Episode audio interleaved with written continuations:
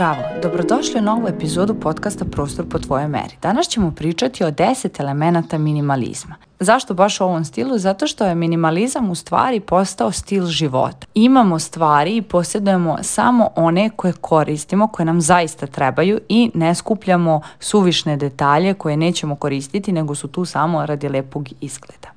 Pa da krenemo. Prva, prvi element jeste manje je više. Zašto?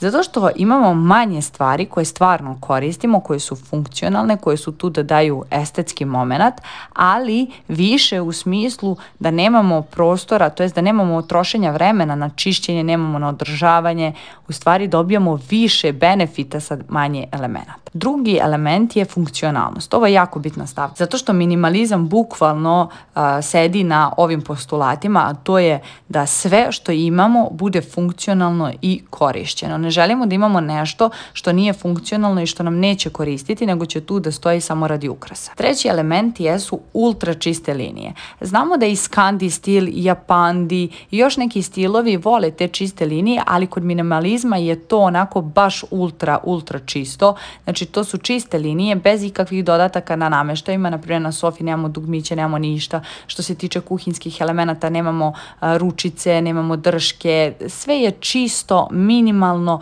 i to u stvari daje lepotu. Pod četiri jeste jednostavna forma. Forma je tu da bi zadovoljila suštinu. Ako uzmemo za primjer kuhinju, znači kuhinja će biti tu da zadovolji našu suštinu, a to je kuvanje i odlaganje posuđa. Nećemo imati nikakve detalje na vratima te kuhinje, nećemo imati ručice, nećemo imati neke, da kažem, posudice sa začinima, šipke, sve će biti skriveno jer to je jednostavna forma. Peti element je jednobojna završnica. Minimalizam voli jednostavnost, voli malo boja, da su to neutralne boje i kada kažem jednostavna završnica, znači tu nema sjaja, nema previše teksture, nema ničega nego prirodno, jednostavno, lako.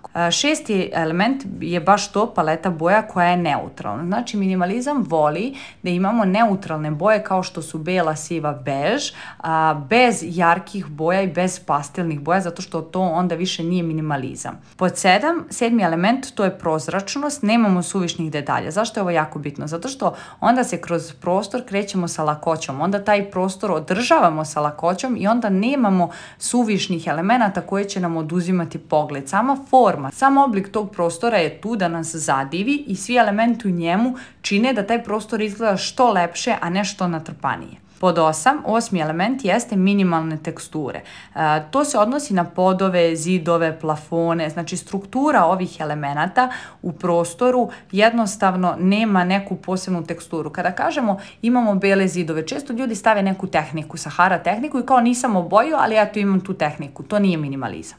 Znači nemamo ništa na zidovima, a čak i ako imamo, to se ne primeti odmah na prvi pogled, nego baš mora da se priđe i da se pogleda. E, odmah mi na pamet padaju e, tapete koje imaju neku e, teksturu pamuka, na primjer, ili tako nešto koje se sa velike razdaljine ne vide, nego te kada se priđe i kada se pipne, ti u stvari vidiš iz e, blizine da je to nešto drugačije, da to nije čisto belo ili čista neka boja, bilo koja, nego da ima neku teksturu. Deveti element jeste čista elegancija. Zašto? Zato što ovakav prostor koji nema detalja priča sam za sebe i on je elegantan sam za sebe i on jednostavno sam za sebe ima neku svoju priču koja dalje odiše elegancijom bez suvišnih detalja koji će odlačiti pažnju. Naprimjer ćemo uzeti neki prostor, recimo spavaću sobu. Šta nam je sve potrebno u spavaćoj sobi? Krevet, ormar, osvetljenje. I sada kada u ovom prostoru dodamo ovim elementima jednostavnost, znači prozračnost, neutralnu paletu, za jednobojnu završnicu, jednostavnu formu, ultra čiste linije i funkcionalnost, mi dobijemo takvu eleganciju gdje prostor odiše stilom. I deseti, ali ne manje bitan element, jeste open space. Minimalizam voli open space. Minimalizmu imamo često često, znači prostor jednostavno teče, imamo taj neki flow gdje idemo iz jednog prostora u drugi koji se nadograđuje i gdje imamo jednostavno priču ispričanu.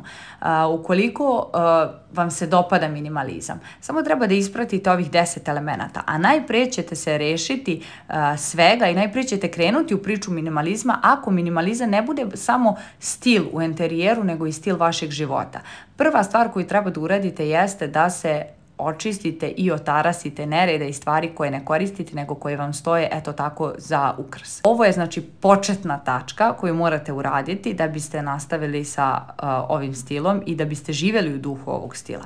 Ukoliko vam se dopala ova epizoda i ukoliko imate nekih sugestija za neku narednu, molim vas pišite mi u DM na Instagramu Jelena Arhitekt ili na eh, mail info at lusoarchitekt.com pa jedva čekam da čujem vaše na sugestije za narednu epizodu. To je to. Ćao!